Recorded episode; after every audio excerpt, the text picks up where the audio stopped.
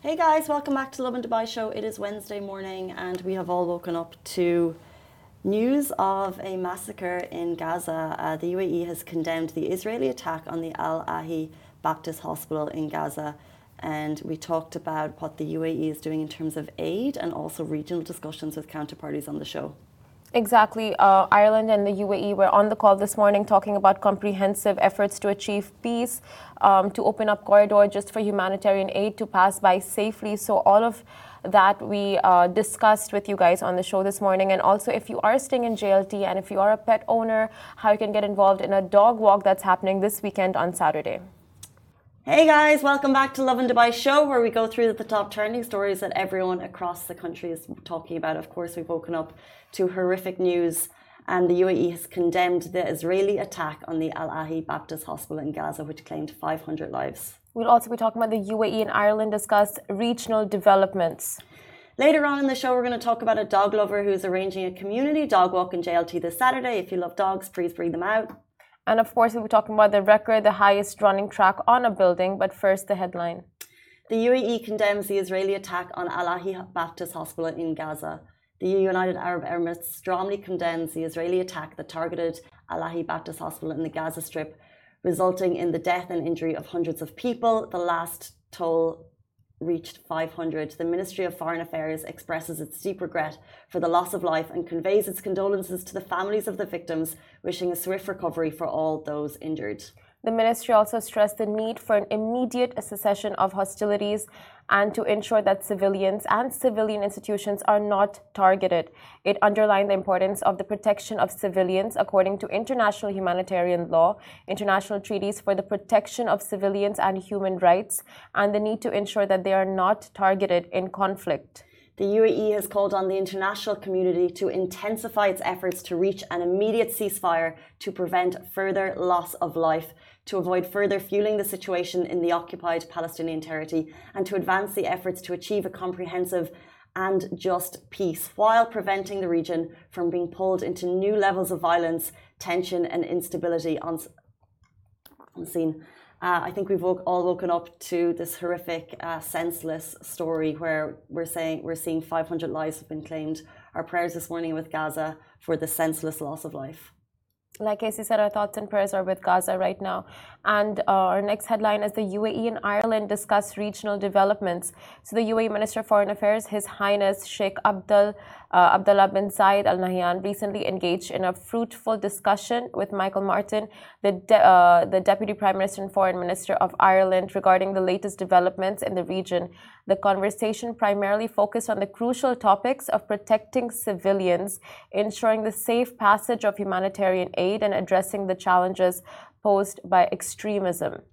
During their call, Sheikh Abdullah and Minister Micheál Martin underscored the urgent need to establish secure humanitarian corridors to facilitate delivery of relief and medical assistance to those in need. This emphasis on safeguarding civilian lives amid the ongoing crisis reflects the shared commitment of both nations to prioritise the well being and safety of individuals affected by regional conflicts. Furthermore, the two ministers delved into the board, a broader scope of regional and international efforts aimed at combating extremism and curbing es escalating violence, recognizing the destructive consequences that such cries have on civilian populations.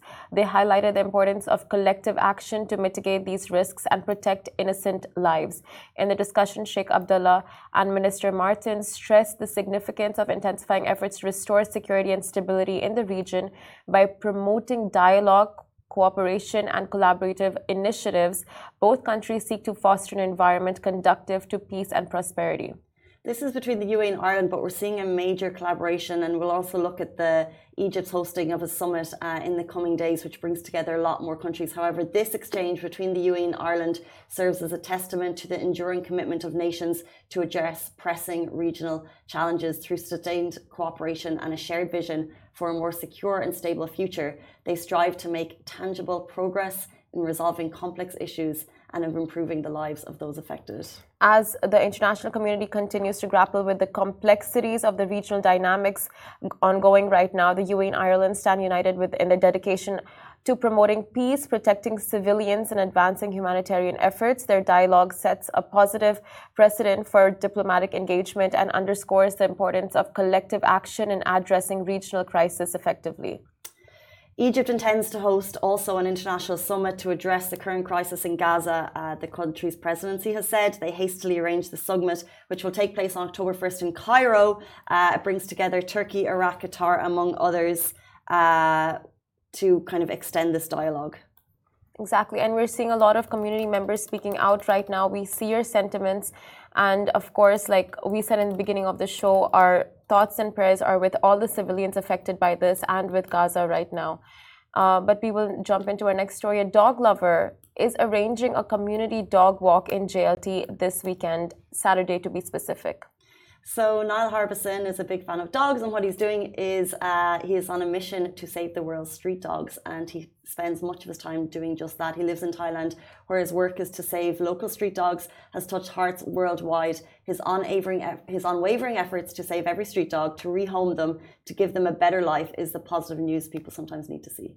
Exactly. So Niall began hosting um, community dog walks around the world, and the response has been incredible. Niall will post on uh, X, and he will be saying uh, where he's at, and dog lovers gather simply there for a walk. And he's done dog walks in Ireland, the U.S., and very soon he's landing in Dubai. So he's set to gather dogs for a walk this Saturday, which is just a pleasant. Um, it's just going to be a pleasant day to get out with your, you know, for a friend and make a day of it, kind of just step away from what's the reality of life right now. Niall has been quite open about his uh, difficulties with mental health, and he just says, you know, it's great to get a community together, and it's the simplicity of just going for a walk can actually put a smile on people's faces. Exactly. They've got JLT involved, so if you want to register, uh, you can do that, but also just join us at 7:30 a.m uh, down in Cluster X and JLT this Saturday at 7.30. Um, dogs must be on a leash for their safety, also clean up after your dog.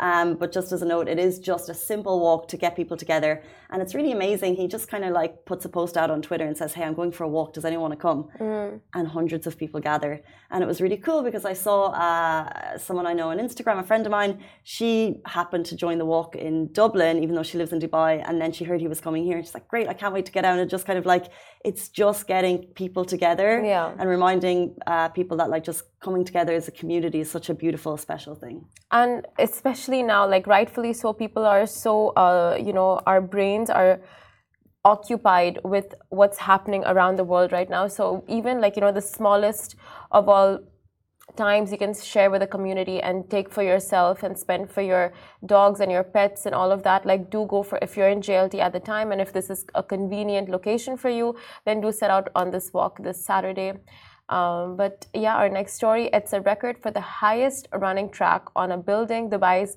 Wasl sets a new Guinness World Record title for the highest running track on a building situated 157 meters above the ground. Wasl's Sky Track is a 335 meter rooftop track where fitness enthusiasts can enjoy a unique experience surpassing a traditional gym and the workout views of Burj Khalifa, Zabeel Park, the Dubai Frame, Sheikh Zayed Road, Old Dubai, and the Arabian Gulf. I think it's on a new building that hasn't been opened yet. I think it's kind of like a, a prestigious piece that they're um, uh, highlighting ahead of Dubai Fitness Challenge, which of course is going to be announced soon. We've heard some very exciting things coming out from that.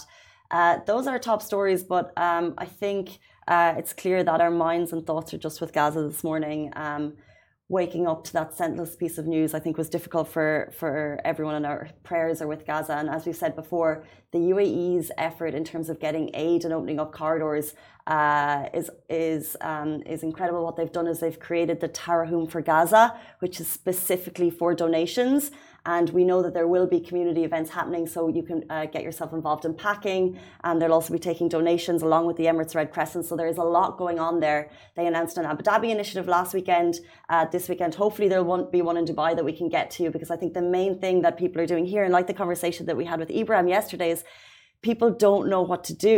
Like exactly. you're seeing something that's so horrific in front of you, and you just you're sitting there thinking, how can you help? You know. So I think if people have a channel to to put the donations towards, is amazing, and the UAE is making that happen along with their important conversations with regional counterparties, they're also uh, opening up donations for people. Exactly, 100%. Like you said, it's tragic, extremely tragic what's happening right now. And people are confused as to like how they can play a part in this and they're sitting helpless watching all the visuals unfold in front of them but what we can do now is just donate like the the only thing we can do now for society and for um, for Gaza and everyone suffering there is just uh, jump onto Tarahum, see all the packages. They have three different types of packages for kids, for women, and um, kids, women, and I think the elderly. And in those three packages, you can there's a list of items that they require for you to be putting into a box. So please, if you are able to, please go ahead and do that, and just do your part in contributing for Gaza. Absolutely. 8.56 on this Wednesday morning. Thank you all so much for tuning in. We're back with you tomorrow morning, same time, same place. Goodbye from me. Goodbye.